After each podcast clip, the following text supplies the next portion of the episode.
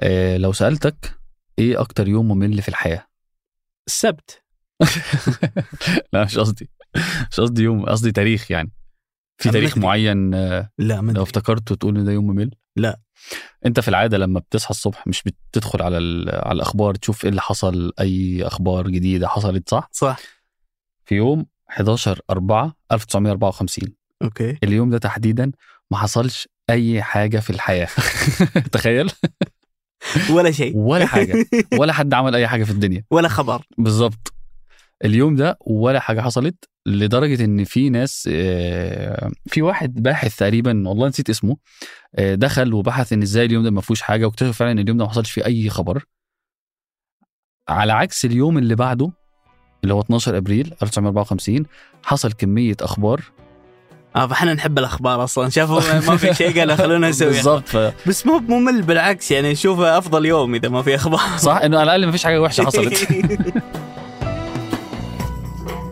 هذا بودكاست الفجر من ثمانية. بودكاست فجر كل يوم نسرد لكم في سياق الأخبار اللي تهمكم. معكم أنا أحمد الحافي. وأنا شهاب سمير.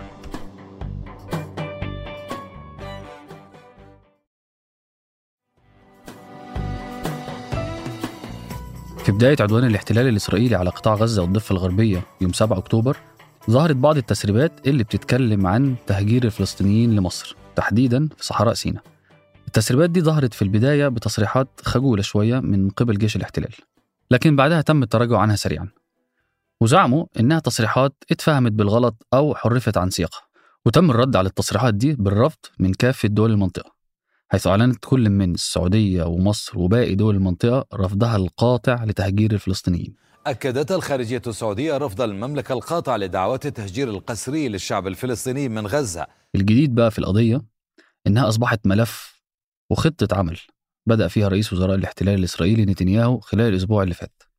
وكشفت صحيفة فاينانشال تايمز بأن نتنياهو عقد الأسبوع اللي فات اجتماعات مع مسؤولين من الاتحاد الأوروبي. بهدف جمع أصوات من أجل خطة تهجير الفلسطينيين لسيناء وكان نتنياهو حريص إنه يجري الاجتماعات دي قبل قمة الاتحاد الأوروبي اللي هتكون يوم الخميس والجمعة. وكان الهدف الرئيسي من الخطة إن الاتحاد الأوروبي يضغطوا على مصر عشان تدعم خطة التهجير لسيناء وعشان يكسب تأييد من الاتحاد الأوروبي ويبدأ في التنفيذ مباشرة. لكن واضح إن خطته واجهت بعض العراقيل. في البداية رفضت ألمانيا وفرنسا وبريطانيا فكرة نتنياهو وقالوا إنها صعبة بالذات مع الرفض المصري القاطع. وكان الرئيس عبد الفتاح السيسي ظهر في عدة تصريحات خلال الأسبوعين اللي فاتوا وشدد على رفض مصر القاطع لأي دعوات للتهجير. وكمان الرئيس الأمريكي جو بايدن ووزير خارجيته أنتوني بلينكين رفضوا فكرة التهجير. حسب بيان صحفي نشرته سفارة أمريكا في مصر يوم 29 أكتوبر قالت السفارة إن الرئيسين الأمريكي والمصري اتناقشوا في اتصال هاتفي عدة قضايا حول الحرب الحالية ومنها ضمان عدم دفع سكان غزة إلى النزوح لمصر أو أي دولة أخرى. لحد دلوقتي فكرة نتنياهو ما وافقش عليها إلا النمسا والتشيك. ومع تصاعد قضية التهجير في الإعلام والتغطيات المتتابعة حواليها بيتوقع بعض المحللين أن تكون هناك أزمة توتر جاية بين مصر وإسرائيل بالذات بعد تصريحات الرئيس السيسي اللي حملت لغة خطاب واضحة وقوية بالرفض. استدعى الأمر إن أنا أطلب من الشعب المصري الخروج للتعبير عن رفض هذه الفكرة فستروا ملايين من المصريين ملايين من المصريين يخرجون للتعبير عن رفض الفكرة ودعم الموقف المصري في هذا الأمر. وفي نفس السياق نشرت وكالة Associated Press وثيقة بتقول فيها إن وزارة الاستخبارات في سلطات الاحتلال الإسرائيلي قامت بإعداد خطة للتهجير. الوثيقة المسربة تم إعدادها بعد ستة أيام من الحرب الحالية. وكانت بتقترح فيها وزارة الاستخبارات خيار التهجير باعتباره يعني أفضل الخيارات الثلاثة المتاحة لإحداث تغيير كبير في الواقع المدني في غزة. والخطة اللي وضعتها الاستخبارات الإسرائيلية حسب الوثيقة هي إن يتم إجبار جميع السكان والبالغ عددهم 2.3 مليون على العيش في خيم في سيناء وبعدين يتم إنشاء مدن جديدة وإنشاء ممر إنساني. وبعد كده هتقيم سلطات الاحتلال منطقة أمنية لمنعهم من العودة إلى غزة. وده السيناريو الإسرائيلي اللي هنسمعه كتير خلال الفترة اللي جاية. وكعادة سلطات الاحتلال بتسرب خبر وبعدين بتحاول تنفيه. وبالفعل امبارح نفوا الخبر ونفوا الخطة وقالوا إنها مجرد مقترح. أخيرا هتفضل فكرة التهجير قضية قديمة جدا وملهاش دخل بالحرب الحالية. حسب وثائق سرية بريطانية بتقول إن خطة التهجير كانت موجودة قبل 52 سنة. وبتقول الوثائق البريطانية اللي اطلع عليها موقع بي بي سي إن في أوائل سبتمبر من عام 1971 كشفت سلطات الاحتلال الإسرائيلي للبريطانيين بوجود خطة سرية لترحيل الفلسطينيين من غزة لمناطق تانية على رأسها العريش المصرية. وكان قطاع غزة بيسبب مشاكل أمنية لسلطات الاحتلال الإسرائيلي. اللي انطلقت منها عمليات مقاومة ضد القوات المحتلة. وكانت هدف سلطات الاحتلال هو تأمين نفسها من المنطقة دي اللي لطالما سببت ليها قلق.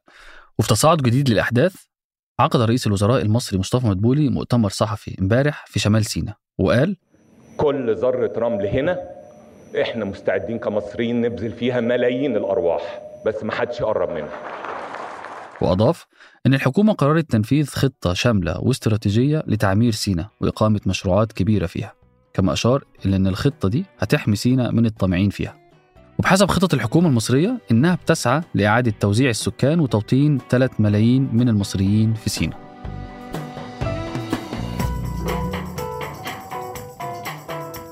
وقبل ننهي الحلقة هذه أخبار على السريع.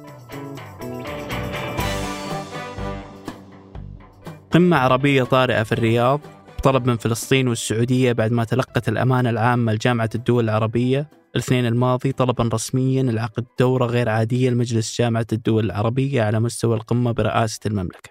اللي ترأس الدورة الحالية 32 هذا البحث العدوان الإسرائيلي المتواصل على الشعب الفلسطيني في قطاع غزة من 7 أكتوبر الماضي.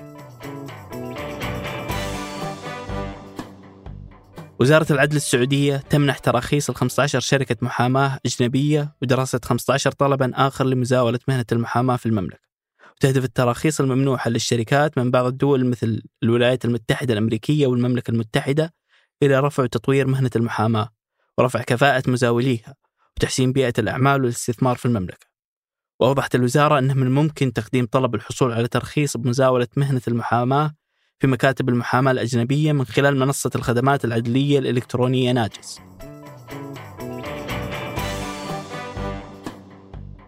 قيمة منصة التواصل الاجتماعي إكس تنخفض إلى أقل من نصف المبلغ اللي دفعه إيلون ماسك قبل عام. تقدر قيمة الشركة الآن حوالي 19 مليار دولار بينما اشتراه ماسك بما يقارب 44 مليار دولار. بعد عملية الشراء عانت الشركة ماليا واللي حملتها ديون إضافية بقيمة 13 مليار دولار ومع مرور الوقت أدى اتخاذ للقرارات العشوائية وتطبيق الموقع للقواعد المتساهلة إلى أبعاد المعلنين مما ساهم في انخفاض المبيعات بنسبة 60%. في الوقت الحالي خطط ماسك لتحويل إكس من الاعتماد على عوائد الإعلانات إلى نظام الاشتراكات المدفوعة لكن إلى الآن أقنعت الشركة أقل من 1% من المستخدمين بالاشتراك في خدمتها الشهرية المميزة وما يعادل أقل من 120 مليون دولار سنويا.